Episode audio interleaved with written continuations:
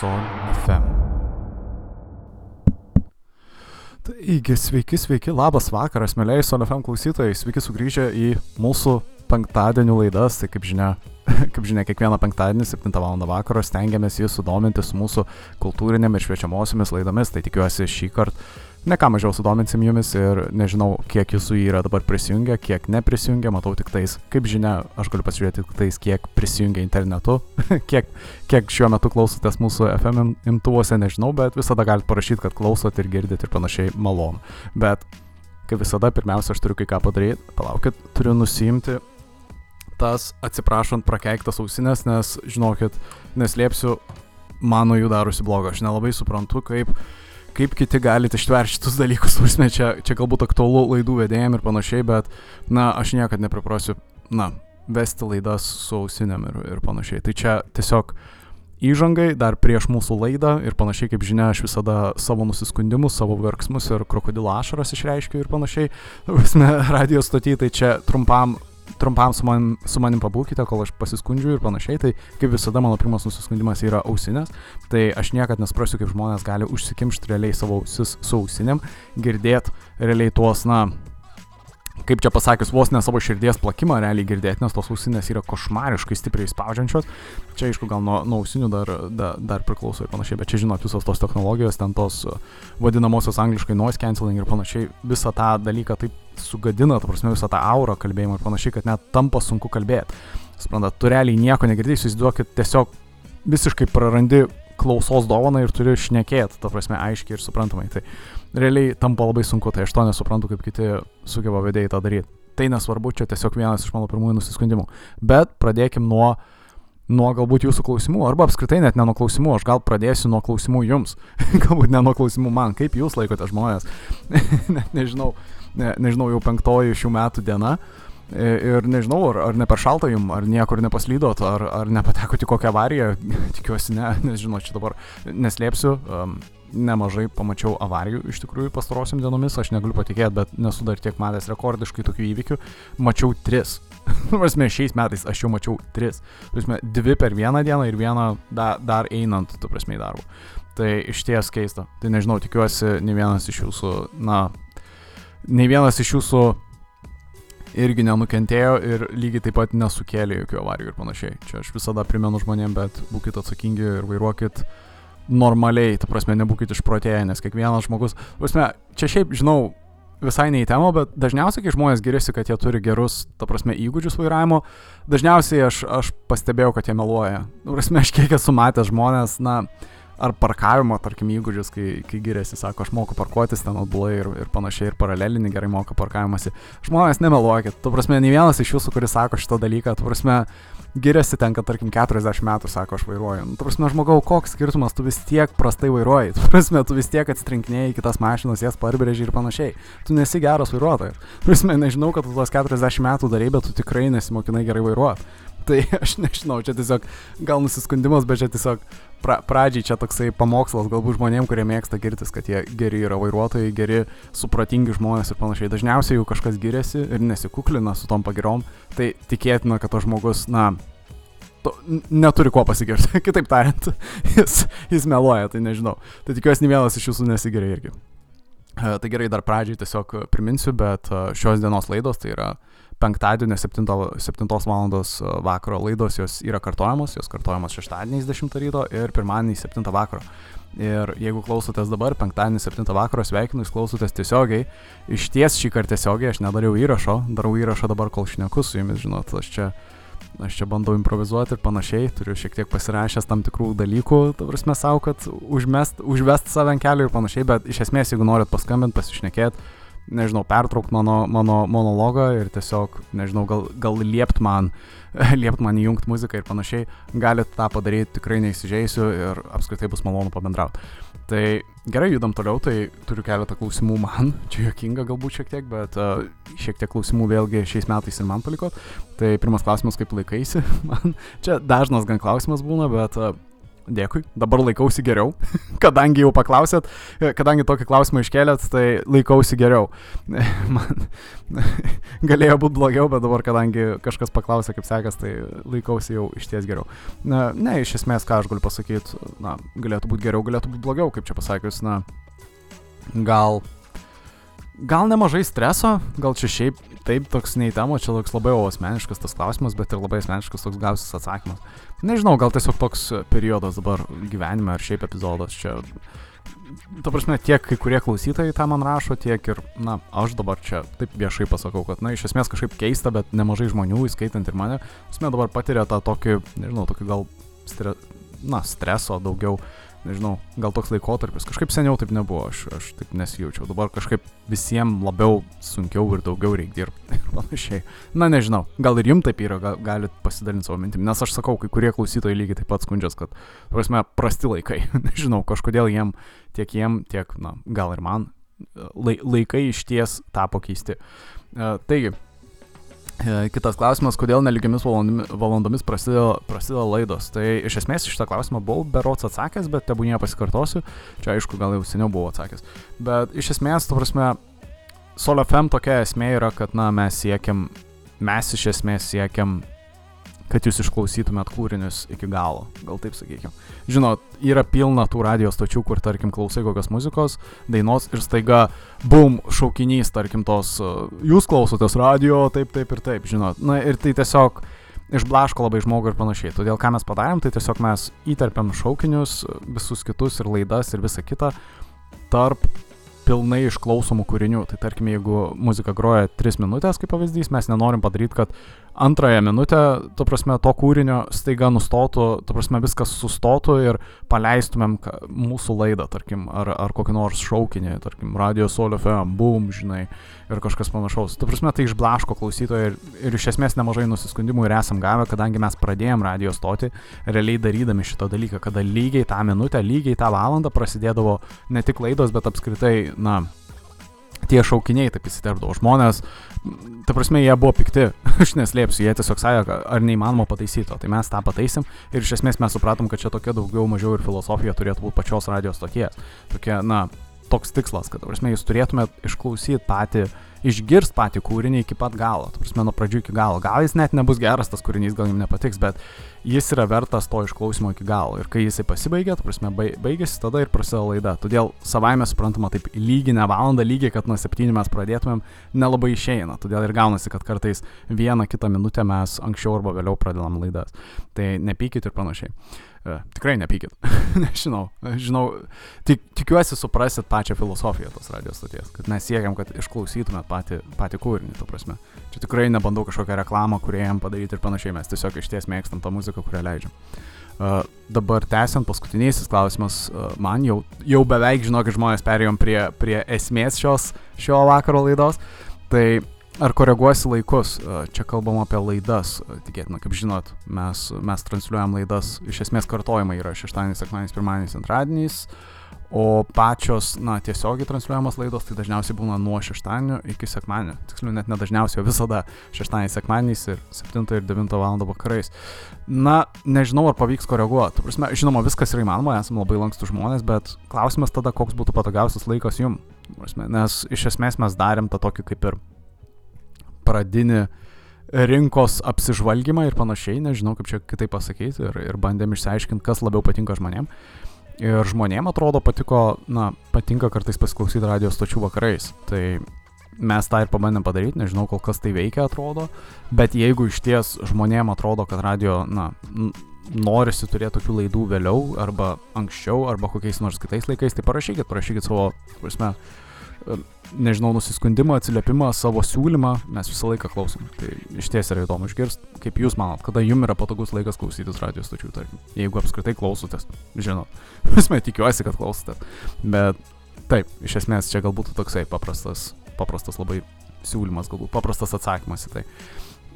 laikus įmanoma koreguoti, tiesiog reikia žinot, kaip jūs norėtumėt, kad tie laikai būtų koreguoti, nes neslėpsiu, to prasme, man pačiam tai nėra patys geriausi laikai, tarkim, atsisėst vos ne vidury nakties, to prasme, ir plepėti su jumis, žinot, to prasme, nebūtinai su jumis, net apskritai su savim, iš esmės tai nėra pats patogiausias laikas iš ties, bet kartais yra smagu, neslėpsiu, kartais, to prasme, vidury nakties atsisėst ir tiesiog taip pasišnekėti su savim, na, tampa vos ne kaip tokia terapija, meditacija kažkokia, moku kitaip paaiškinti. Uh, taigi, užtenka čia man apie save kalbėti. Uh, laikas man jau kaip ir pradėti kažką įdomesnio. Tuo įjungsiu ir, ir keistesnį foną, baisesnį galbūt foną. Žinot, tai gal kad suprast esmę, apie ką mes šiandien šnekėsim, tai kaip visada aš, aš nukreipsiu jūsų dėmesį į tai, ką mes uh, uh, savo socialinėse medijose, tai Facebook'ose, Instagram'ose ten ir taip toliau ir taip toliau, ką mes buvom pateikę praėjusią savaitgalį, tai mes įdėjom dvi nuotraukas, tai viena nuotrauka, na, dešinėje yra laidai, kuri vyks rytoj, ta prasme, su samoklai susijusiai laidai, o, ta prasme, paveiksliukas kairėje, jisai yra, na, atrodo lyg kažkoksai keistas raštas, kažkokie keisti piešiniai ir panašiai. Kažkaip nelabai aišku, į ką mes ten žiūrim paveiksliukė. Tai čia yra šiandienos tema. Sveikinu. Nežinau, ar supratot, kas ten yra paveikslėlis ar ne, bet jis, na, savaime ganėtinai suprantamas. Tai yra kažkokia knyga, kuri, na, atrodo bent jau taip iš tos, iš to vaizduoja. Tai yra kažkokia knyga ir, ir yra neaišku, ta prasme, ką jinai vaizduoja. Ir žmonės, aišku, steng, stengiasi visą laiką, prasme, užduoti klausimą ir, ir panašiai. Pačioj pradžioj laidų tai galbūt pirmas klausimas būtų, Ar jūs mėgstat šriftus, ar jūs mėgstat kodus, tarkim tokius dalykus, ar mėgstat, na, myslės, tokias išties keistas myslės, kurios jau yra užmintos jau nuo senovės. Prasme, tai yra išties labai senas raštas, ką aš jums tenais pateikiau. Prasme, labai ant seno dokumento uždėtas raštas, gal taip pasakykim. Tai yra labai senas antikvarinis da daiktas, ką jūs ten matot. Ten iš esmės yra Voj, Vo, rankraštis vadinamasis. Iš esmės nežinau, ar aš teisingai to žmogaus pavardę ištariau Voiničas, bet tikiuosi, kad teisingai. Pabandysiu aš jums visą atskleisti istoriją, bet iš esmės, ką jūs ten matote, tai yra būtent to Voiničio rankraštis. Ir ne, Voiničas jo neparašė, bet Voiničas jį nusipirko. Ir iš esmės tai yra mislė, kuri kuri iki šiol yra neįminta iki galo. Daugybė žmonių bando, na, tu prasme sakau daugybė, bet uh, ne visai daugybė, bet sakyčiau gal daugiau, kad nemažai, nemažai žmonių bando pasakyti, nemažai mokslininkų, matematikų, įvairiausių, įvairiausių uh, filologų bando, bando nurodyti, ba, bandė, ta prasme, pasigirti, kad jie sugebėjo iššifruoti tai, kas yra parašyta, bet uh, Ne, jiem nepavyko. Aš nemanau, kad jiem pavyko ir iki šiol tai išliko paslaptim. Ką jūs matote, tai yra užšifruotas rankraštis, kuris yra, na, daugiau nei 200 puslapių.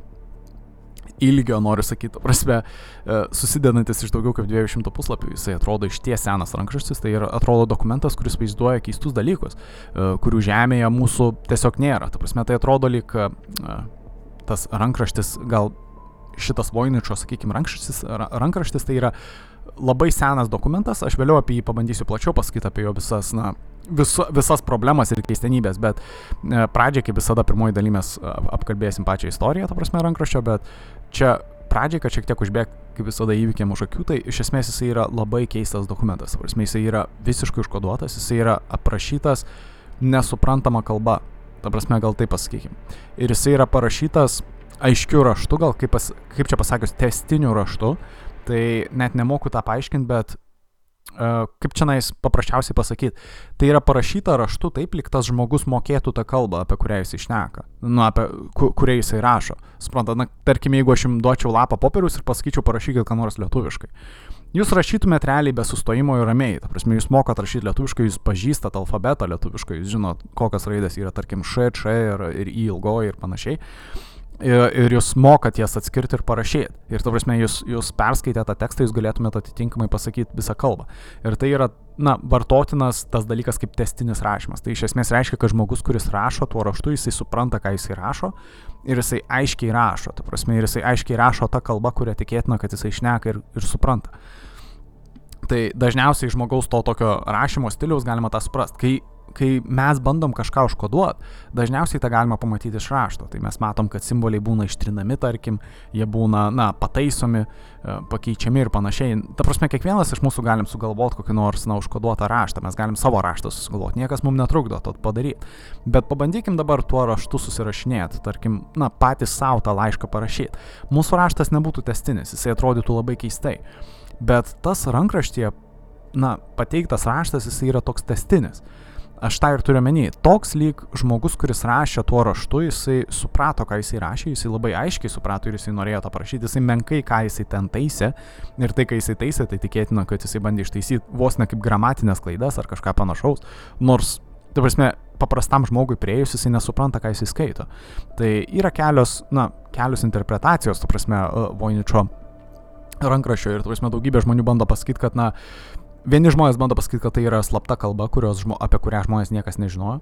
Tu prasme, kai kurie bando tą net iki samokslo, ta prasme, nueiti ir iš vienos pusės pasakyti, kad tai yra rankraštis, kuris yra rašomas kalba, kuri buvo prieš visas kalbas. Tai e, turime omeny, ta prasme, prieš apskritai mums suprantamas, na, kalbas, tai kaip pavyzdys, e, na, mums suprastas galbūt ar mums atrastas kalbas. Na, e, čia kaip pavyzdys galbūt čia labiau, labiau yra užmetama į tai, kad e, mūsų archeologiniai, ta prasme, radiniai ir panašiai.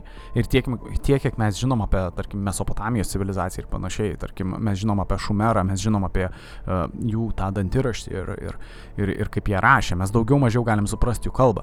Bet čia yra kalba, kuri yra visiškai mums nesuprantama ir neiškoduotina. Ir kai kurie daro tą tokią išvadą, kuri, manau, yra paskubota, žinoma, nes jinai yra tokia kaip samokslo teorija, bet bando paaiškinti, kad tai yra lik Babelio kalba ką aš noriu pasakyti, tai kad Babelio kalba tai toji vieningoji kalba. Įsivaizduokit, na, vieningoji tai čia yra iš biblinio dalyko. Ta prasme, aš, aš nesu šiaip, jūs kaip žinot, aš šiaip nesu labai, nesu labai tas toks uh, religingas žmogus ir panašiai, bet čia kalbant apie tą Babelio mitą, tikriausiai žinot, Tu prasme, žmonės labai seniai, taip, na, tu prasme, pati istorija pasakoja, kad žmonės labai seniai kalbėjo viena kalba ir vėliau taip atsitiko, kad žmonės, na, išsiskirstė, buvo išskirstyti, ta prasme, į, pasa į skirtingus pasaulio kraštus ir kalbėjo skirtingom kalbom. Na, čia daugiau mažiau, aš tikiuosi, kad pati, pačią tą, na, istoriją teisingai supratau, ta prasme, kaip jinai pasakojama tenais, na, re, reli, religijai, ta prasme, teologijai. Bet ar tai tiesa ar melas, aš nežinau, žinoma, bet ką aš noriu pasakyti, kad, ta prasme, į tą rankraštį apeliuojant, ta prasme, žiūrint į tą Voiničio rankraštį, kai kurie žmonės, ta prasme, tie samokslo teoretikai bando padaryti išvadą, kad čia yra toji Babelio kalba. Tai yra, kad tai yra, na, ta pirmoji kalba, galima sakyti. Na, čia labai sunkiai suprantamas galbūt dalykas, ką aš bandau pasakyti. Ir, prasme, man pačiam tai skamba iš ties keistai ir gal net, ta prasme, kraupiai, nes, matot, aš nesu, kaip ir minėjau, labai, uh, labai religingas apskritai, bet, na, Prasme, aš bandau suprasti. Aš kaip visada ir bandau pasakyti, kad aš niekada nieko netmetu, nes aš esu, aš esu čia tik tam, kad, na, suprast, suprast tiesą, arba ieškoti bent jau tos tiesos. Aš niekada nepasikliausiu žmogum, kitaip tariant, kuris sako, kad turi tiesą. Aš daugiau pasikliausiu žmogum, kuris ieško tos tiesos. Tai aš dažniausiai stengiuosi, na, stengiuosi, stengiuosi, to prasme, būti tas žmogus, kuris ieško tiesos.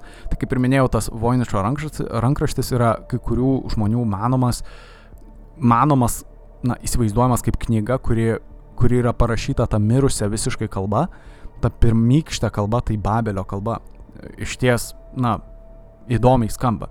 Kiti žmonės bando pasakyti, kad tai yra tiesiog, na, kriptografiškai kaip nors užšifruota, uh, užšifruota knyga, kuri bando, na, nežinau, veikti kaip enciklopedija ar kažkas panašaus. Uh, nežinau, to, tuo metu, kada buvo parašytas rankraštis, na, enciklopedijos nebuvo kažkoks retas dalykas, bet uh, na, savaime suprantama, ta prasme, tai yra sudėtingas sudėtingas pagaminti dokumentas. Ta prasme, bet kuriuo atveju enciklopedija šiomis dienomis yra sudėtinga išspausdinti. Prasme, tais laikais parašyti enciklopediją, ta prasme, stebint įvairius augalus, ta prasme, ir panašiai, ir, ir ta prasme, astrologinius reiškinius ir panašiai, buvo iš ties turbūt sunku. Ir, ir na, ta, ta, tas rankraštis, ta prasme, jisai bando apibūdinti tuos dalykus, bet esmė, kad tokių dalykų mūsų gamtoje nėra.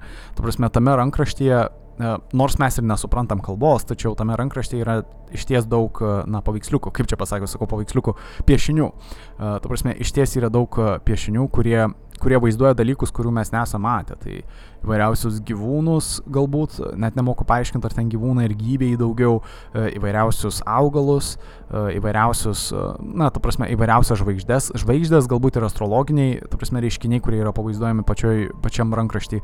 Tai jie galbūt ir atkartoja mūsų realybę, tačiau patys augalai, jie netrodo visai panašus, ką mes matom mūsų gamtoj, sakykime. Todėl uh, Todėl klausimas iškyla, kas čia yra per rankraštis, jeigu jisai vaizduoja, na, prasme, jeigu, jeigu šitas rankraštis yra enciklopedija, tai jisai nevaizduoja, prasme, jisai yra bloga enciklopedija, nes jis nevaizduoja realybės. Suprantat, ką noriu pasakyti. Čia iš ties keistas, keistas dalykas, prasme, bet na, ne, vien, ne viena galva, ta prasme, turėjo pasikasyti, ta prasme, kad suprast, kas šiandien per dalykas yra, bet iš, iš esmės tai yra vis dar paslaptis, niekas nežino, kas iš tiesų yra parašyta šiame rankraštyje, ar, ar apskritai apie ką jis yra rašomas. Kai kurie daro tiesiog išvadą, kad tai yra, na, klastotė, kad tai yra paprasčiausia klastotė, kad žmogus neturėjo ką veikti paprasčiausiai ir sukūrė daugiau nei 200 puslapių, ta prasme, apimties, apimties rankraštį. Tai čia, mano nuomonė, čia irgi ganėtinai prastas paaiškinimas, aš nežinau, žmonės, kai kuria klastotės, aš nežinau, ar jie tiek toli nueitų, kad net sukurtų vos ne atskirą, atskirą raštą, atskirą užkoduotą raštą. Ir, ir parašytų tiek daug ir, ir nupieštų tiek daug, tik, na, be jokio, be jokio tikslo realiai. Tu prasme, siekiant, siekiant, ką tiesiog žmonės po kelių, kelių šimtmečių, kelių amžių, ta prasme, suglumint, su, ta prasme, priversti susimastyti galbūt ar panašiai. Na, nežinau. Užminti keistą myslę. Ne, nesuprantu šito dalyko, aš nežinau. Uh, Taigi, kadangi aš šiek tiek vėlgi užbėgau įvykiam už akių, aš šiandien per daug papasakoju apie pačią, apie pačią enciklopediją, noriu sakyti apie patį Voiničio rankraštį, aš visai užmiršau pakalbėti apie pačią istoriją, nuo ko viskas prasidėjo. Tai kaip ir pradėkim. Realiai dabar jau galim pradėti. Nežinau pačią istoriją. Tai kaip ir minėjau, prasme, mūsų socialinėse medijose me, mes ką matom, tai viena iš puslapių, e, ta prasme, šio, šio rankraščio. Bet jeigu jums domina, jeigu jūs susidomėjot apskritai, gal jūs norit būti vienas iš tų, kuris nori iššifruoti šitą dalyką. Ta prasme, jūs galite bandyti, niekam netrukdo. E, jūs galite perskaityti realiai visą šitą rankraštį. E, ta prasme, jisai buvo skaitmenizuotas, tai jūs galite viską rasti internetu. Tai ką aš noriu pasakyti, kad uh, iš esmės net ne per seniausiai tas rankraštis daugybė žmonių, ta prasme, atkreipė dėmesį į jį, e, dėl to, kad jis paprasčiausiai buvo paviešintas e, Yale universiteto dar 2020 metais. Tai Atrodo, jau norėjau sakyti prieš tris metus, jau prieš keturis beje. Tai jau prieš keturis metus, ta prasme, e, Yale universitetas nusprendė paviešinti, ta prasme, skaitmenizuoti visą, visą patį Voiničio rankraštį ir jį ir jį, ta prasme, išviešinti kiekvieniem, na, kiekvieniem susidomėjusiam pasižiūrėti, ta prasme, internetu. Dabar vėlgi neslėpsiu, aš nebandžiau prisijungti tenais ir prie jų, prie jų bibliotekos, prie Yale universiteto, tos skaitmeninės bibliotekos prisijungti ir pabandyti pasižiūrėti. Aš bijau suklysti, bet aš manau, kad tai mokama yra, todėl nežinau žmonės, iki kiek jūs norit pamatyti patį, patį Voiničio na, rankraštį. Nežinau, nenoriu aš jums patart pirkti ten to, žinot, viso viso to, kaip čia pasakius, nuomos ir panašiai tos, tos bibliotekos Yale universiteto, bet gal tai yra nemokama, aš nežinau, bet, na, čia priklauso nuo jūsų smalsumo, galite patikrinti. tai vienai per kitaip. Yale universiteto skaitmenizuotoji biblioteka. Skaitmeninė biblioteka, kitaip tariant. Uh, taigi, judant toliau, pati istorija yra labai paprasta, kodėl jisai vadinasi, pradėkime nuo to, kodėl vadinasi pats rankraštis Voiničio rankraščiu. Tai Nežinau, ar esat girdėję apie tokį žmogų. Gal, gal kai kurie, kurie čia nais e, iš pat pradžių klausėtės, e, galbūt pradėt galvot, kad, na, kažkur girdėtas Voiničas, ta prasme, ta pavardė. Ir jinai mums turėtų būti girdėta, kadangi jisai pats žmogus gimė Lietuvoje. Esmė juokas jokiais. E, aš dabar vėlgi pabandysiu pasakyti jo vardą ir pavardę. Gimtają jo kalbą, aš vėlgi gimtosios kalbos ne, nepažįstu, bet čia jisai šiaip yra Lenkų, Lenkų tautybės bet uh, jo vardas pavardė būtų Michal Habdank Voinič. Tai nežinau, tikiuosi, neapsi, neapsijokiau čia prieš visus, nes kai kurie žmonės iš ties juokiasi, kai aš bandau ištarti vardus ir pavardės kitų tautybių žmonių, bet čia būtų jo vardas pavardė. Jisai, jisai toliau buvo žinomas kaip Vilfridas Voiničas. Ir, na, jisai buvo žinomas apskritai tiek Lietuvoje, tiek pasaulyje netgi realiai kaip bibliofilas. Taip, bibliofilas. Čia irgi nauja galbūt savoka, kurios, kurios ne visi, kurią ne visi girdėjot. Uh, bibliofilai nėra kažkas blogo, čia neužsidenkit ausų, nepradėkit, na, kaltinti manęs ir panašiai. Bibliofilas tai yra žmogus, kuris, na, labai labai mėgsta knygas, kitaip tariant. Jisai net nebūtinai jas skaito, bet jisai mėgsta jas kolekcionuoti, jisai tiesiog dievina knygas. Nežinau, gal kai kurie iš jūsų esat bi bibliofilai, nežinau, galite patvirauti, parašyti, jeigu jūs tiesiog mėgstat nebūtinai skaityti knygas, bet paprasčiausiai jas rinkti.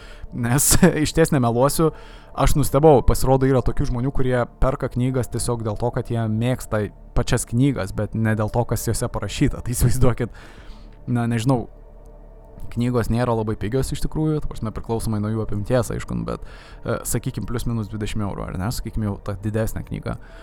Tai įsivaizduokit, jūs nusiperkat ir jos net neskaitot, jūs tiesiog nusiperkat dėl to, kad jums jinai yra, na, graži, gražus viršelis, atrodo gražiai ir jūs tiesiog norit į savo kolekciją įsidėti knygą, tai jūs esat bibliofilas tada. Aš žinau net kaip kitaip pasakyti. Tai iš esmės uh, Wilfridas Voiničas, jisai buvo biblio, bibliofilas, tas vadinamasis. Jisai mėgdavo kolekcionuoti knygas, jisai jų turėjo daugybę, bet uh, jisai ne tik kolekcionavo, bet jisai kai, kai kurias ir parduodavo. Jisai ir pirkdavo, ir parduodavo. Jisai turėjo išsame kolekciją, joje net pasikartodavo kartais tam tikros knygos ir jisai jas parduodavo, ta prasme. Kai kurias, kurių būdavo per daug, kurios jam nusibosdavo. Aš net neįsivaizduoju, kokia tvarka jisai jas parduodavo, bet realiai jisai pirkdavo ir parduodavo knygas. Jisai, na, čia jo toks būdavo kaip ir, norėjau sakyti, verslas, gal daugiau individuali veikla, sakykim, čia taip dabar Lietuvoje gal taip sakytumėm dažniau. Bet uh, iš esmės Uh, Vilfridas Voiničas, aš jį tikiuosi jo pavardę teisingai išta, iš, ištariau, bet jį vadinsim toliau Voiniču. Taigi, uh, Voiničas iš esmės jisai gimė uh, dar 1865-aisiais, tai 19 amžiaus antrojoje pusėje, jisai gimė Telšiuose, uh, jisai gimė, na, gimė Lenkijos tautybės šeimoje, e, pati šeima jo buvo e, ganėtinai pasiturinti, e, jie, na, kaip čia pasakius, jisai nebuvo, jisai nebuvo auginamas blogose sąlygose. Tai pats žmogus jisai buvo gan apsišvietęs, iš ties, kaip ir minėjau, mėgo knygas ne tik jų, dėl jų turinio, dėl knygų turinio, bet ir dėl to, kaip jos atrodė. Jisai buvo iš ties, na, knygų mėgėjas. Tai pats žmogus buvo ganėtinai apsišvietęs, jisai buvo, nebuvo, sakykime, na, ne, ne, nepasakyčiau, kad jis buvo labai žinomas ar, ar labai, labai jau populiarus, bet jisai iš ties, na, kai kuriems Lietuvoje buvo žinomas, jisai, na, pasižymėjo ir tam tikrą istoriją turi. Kaip ir minėjau, vis tiek jisai telšiuose gimė, tai nežinau, ar kažkas telšiuose klausosi Solefem ar ne, tikiau, tikriausiai ne, nebent tik per internetą, to prasme, gali klausytis, bet jeigu klausotės, tai sveikinu jūsų, jūsų, jūsų vietovėje, to prasme, telšiuose kažkada, kažkada gyveno, o jis gimė tiksliau. Uh, Voiničas. Ir jisai buvo žymusis bibliofilas. Nežinau, kaip, jau, kaip jūs jaučiatės tą žinodami, bet vienaip ar kitaip jisai vėliau persikėlė ir gyveno, ir iki pat savo gyvenimo pabaigos jisai gyveno uh, New York'e. Tai realiai štai tokia istorija yra pa, pačio atradėjo knygos, bet ja, sakau, knygos rankraščio. Tai dabar klausimas iškyla, kaip tas rankraštis atsirado pas uh, Boiničą, ta prasme, jisai vis tiek kažkaip turėjo jį, na, nusipirkti iš kažkur. Tai nežinau, esat ar girdėję ar ne, bet yra tokie, e, tokie kaip čia pasakius, denominacija, gal net nežinau kaip kitaip pasakyti, denominacijos tai yra uh, religinės, mažesnės tie tokios religinės bendruomenės, kai kurie žmonės paprasčiausiai tai vadina sektom, gal kitaip sakykime, tai tiesiog sektos ar kažkas panašaus. Ir, na, viena tokia religinė bendruomenė, gal sakykime, pavadinimu Jėzaus visuomenė. Iš ties taip, Jėzaus, Jėzaus visuomenė, latiniškai dar mėgsta sakyti kolegijo romano ar kažkas panašaus. Uh, Jie, jie nusprendė 20-ojo amžiaus pradžioje, o tiksliau 1903 metais jie nusprendė parduoti uh, tam tikrą kiekį savo turimų uh, rankraščių, įvairiausių knygų. Ta prasme, paprasčiausiai jie norėjo išparduoti savo turimą biblioteką Vatikanui. Uh, ir ta prasme, jie surengė tą visą aukcioną dar 1912 metais ir aukciono metu bandė parduoti visas, kaip ir minėjau, tas uh, turimas knygas, būtent tas, uh, būtent tą Jėzaus visuomenę bandė parduoti uh, Vatikanui. Deja, jiem nepasisekė visko parduoti Vatikanui, kai kurios knygos užsiliko ir kaip žinia, mūsų mylimas bibliofilas Voiničas, jisai dalyvavo tame aukcione, jisai vis dėlto vis dėlto lemtis leido jam pamatyti, pamatyti, kas buvo parduodama, kadangi, na žinot, ne kiekvieną dieną tu gauni e, galimybę, ta prasme, ne tik perskaityti, bet apskritai nu, įsigyti, ta prasme, kokią nors seną religinę knygą, ta prasme, religinio galbūt, nu, ta prasme, nes, nesakau religinę knygą, bet apskritai seną knygą ar seną kokį nors rankraštį ar kažką seną, ta prasme, tai iš ties relikvija, savotiškai, e, tai tampa relikvija ir dažniausiai tokių relikvijų turi daugybę, na, religinės bendruomenės. Pats Vatikanas, kaip pavyzdys, Vatikano biblioteka, ar ne?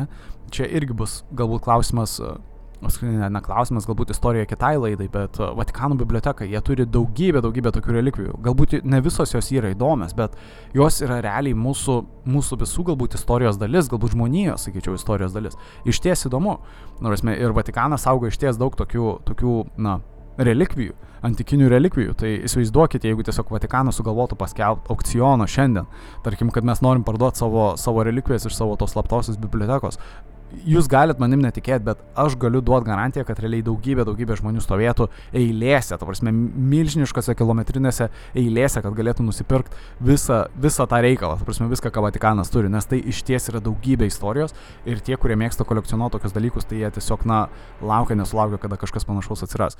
Tai vėlgi, kaip ir minėjau, mūsų bibliofilas uh, Voiničas, jisai tik užuodė tą galimybę, prasme, nusipirkti uh, nusipirkt kokį nors rankraštį ar kažką iš religinės bendruomenės, jisai iškart suprato, kad bus kažkokia senovinė knyga, senoviniai veikalai, kažkas senoviško, kažkas kvepiančio senovės, sakykime, ir jam, pati, kadangi, kadangi jam knygos patinka ne tik jų turiniu, bet apskritai jos pačios, jam patinka pačios knygos, jų formos ir jų istorija, to prasme, kaip knygos pradėjo, na, sakykime, savo formą keisti, didėti, mažėti, sakykime, viršelius turėti įvairius ir, ir panašiai, ir, ir panašiai, ir to prasme, kadangi jam tai patiko, jisai sudalyvavo tame aukcione ir jisai uh, iš ties įsigijo tą vadinamąjį dabar mūsų žinomai uh, Voiničio uh, rankraštį. Jį, jam patraukė akį tas faktas, kad jisai nesuprato, kas tenais, na, savame suprantama, jisai nesuprato, kas tenais yra parašyta, kaip ir niekas kitas.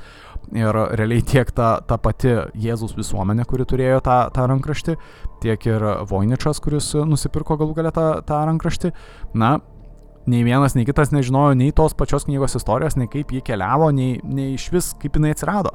Prasme, nei kas ją parašė, koks amžius pa, pačio rankraščio, ar apskritai jame yra kažkas svarbaus parašyta ar užkoduota ir kas jame yra, na, kas čia yra aprašoma, prasme, kas per informaciją.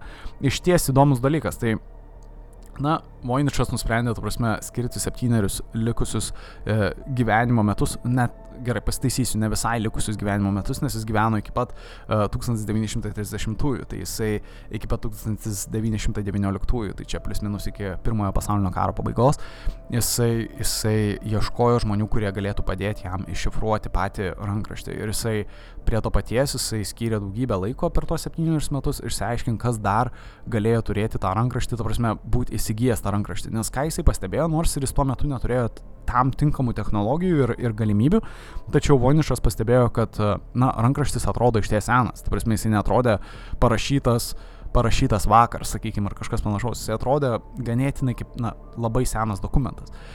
Ir jisai teikia vis, na, jisai leido susipažinti daugybė žmonių, bet jisai prioritetą teikė žmonėm, kurie, kurie na, buvo iššifravimo galbūt meistrai, kurie mėgdavo tokias mislės, tokius uždavinius. Ir jisai tuos septynerius metus vis dalindavo tą rankraštį kitiems žmonėms. Ta prasme, jisai teikė teikė tą rankraštį įvairiausiam mokslininkam, to prasme, bibliografam ir panašiai, kad jie galėtų pabandyti, na, lygiai taip pat iššifruoti tą rankraštį. Ir neslėpsiu, kai kurie, kai kurie iš šių žmonių galvojo, kad Voiničas pats sukūrė tą rankraštį.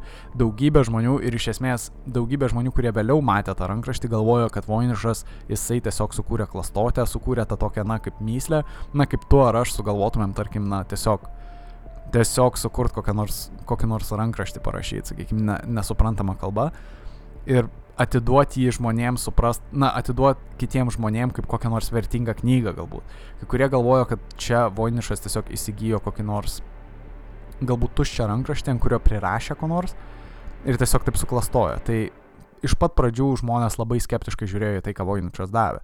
Nors ir Voiničas sakė, kad jis tiesiog nusipirko rankraštį ir jo nelietė, tačiau Tačiau kiti žmonės pradėjo mąstyti, kad galbūt Voinišas tiesiog nusipirko seną rankraštį, kuris buvo realiai tuščias ir jį pripildė įvairiausių na, nesąmonių. Ir galvojo, kad tai yra paprasčiausia klastotė, bet su laiku paaiškėjo, kad vis dėlto Voinišas jisai nieko panašaus nepadarė. Tai teskim toliau istoriją, kas, kas atsitiko su pačiu rankraščiu toliau. Tai vėlgi. Uh, Voiničas negyveno amžinai, vėlgi, nei vienas iš mūsų tikriausiai negyvens amžinai, jisai, jisai mirė 1930 metais, po jo mirties, po jo mirties patį rankraštį paveldėjo jo, jo žmona Velionė, nors, sakau, Velionė, na, jinai jau kaip ir yra Velionė, bet, na, turiu omeny našlė, bet, ta prasme, dabar jau jinai yra ir velionė, žinot, ką turiu omeny. Na, bet nesvarbu, čia aš susimėčiau šiek tiek. Bet uh, realiai po jo mirties uh, jo, jo našlė žmona paveldėjo jį, patį rankraštį ir, ta prasme, vėliau jinai Uh, jinai pamačius, kad, prasme, tas rankraštis realiai nėra kažkom, uh, kažkom labai ypatingas, jinai realiai, uh, realiai nusprendė jį pabandyti, uh, na, atiduoti kam nors. Ir, ir realiai nedaug žmonių norėjo jį, jį pasiimti.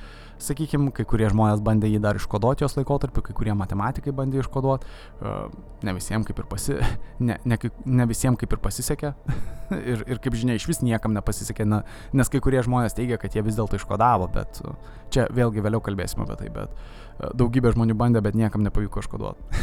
Žinot, aš, mano nuomonė niekas neiškodavo ir neiškoduos tikriausiai. Taigi, Kaip ir minėjau, jinai, jinai gyveno iki pat 1960-ųjų, pati, pati Voiničio žmona, jinai prieš savo mirtį atidavė, atidavė patį rankraštį savo draugiai. Vėlgi, dabar užstrigo man prisiminimai, atleiskit jos vardo pavardės, ai ne, Anne Nil. Pati, pati žmona buvo vardu Ethel Voynich ir jinai atidavė patį rankraštį Anne Nil. Taigi, pati pati jos draugė, ta Anė, jinai pasielgė, galbūt, sakykime, labiau iš versl, verslo pusės, jinai nusprendė parduoti, e, parduoti šią knygą, jinai pardavė knygą, e, na, kitam knygų rinkėjui, galbūt, sakykime, kuris, kuris nesugebėjo vėliau pats tas, na, žmogus, kuris nusipirko tą rankraštį, ta prasme, jisai vėliau nesugebėjo jo parduoti, jam nepavyko niekam jo parduoti, tada jisai nusprendė jį tiesiog paukoti, na, atiduoti uh, Yale universitetui. Uh, tas atidavimas, galbūt e, perdavimas ir prieimimas į, į Yale universitetą įvyko dar 1969 metais, tai tais pačiais metais, kada žmonės, žinot, užlipo ant menulio, bet čia vėlgi samokslo teorija, galbūt niekada neužlipo ant menulio, žiūrėsim, bet čia nesmė. Tai tais metais jisai atidavė, atidavė Yale universitetui tą rankraštį ir jisai tenais liko iki šiol ir kaip žinia, jisai buvo skaitmenizuotas ir keltas visiems pasižiūrėti jau 2020 metais. Tai iš esmės tiek mes ir turim. E, dabar tokia istorija ir yra to rankraščio, jisai guli, guli realiai realiai universitete. Taigi klausimas dabar yra, kas yra keisto apie tą patį rankraštį, to prasme, ir ar iš esmės mes iš ties negalim jo iškoduoti, ar yra neįmanoma to padaryti. To prasme, mes, dėl to aš ir uždaviau, to prasme, klausimą jums, ar jūs mėgstat šifrus, ar jūs mėgstat kodus. Apskritai, kas tai yra šifras kodas, to prasme, ar tai įmanoma iškoduoti neturint nieko, to prasme, ar jūs galite tą padaryti, ar įmanoma. Ir, na, iš, iš ties yra, na, sudėtingas tai procesas, to prasme, ir, ir pabandysim apie tai pasikalbėti antroji daly.